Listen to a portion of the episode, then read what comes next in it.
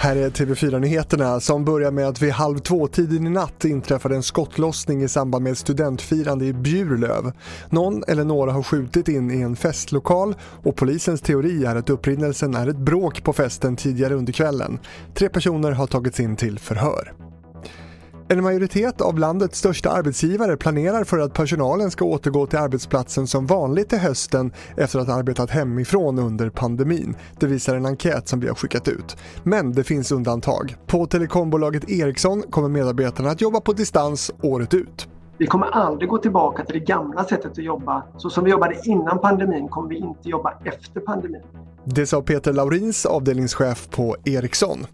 Och sist i sändningen om att för första gången på över 30 år så planerar NASA att åka till planeten Venus. Den amerikanska rymdstyrelsen ska skicka två rymdsonder till vår närmsta planet mellan 2028 och 2030.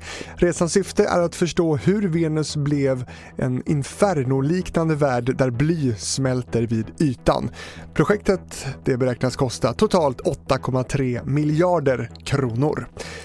Det här var TV4 Nyheterna. Jag heter Fredrik Rahlstrand.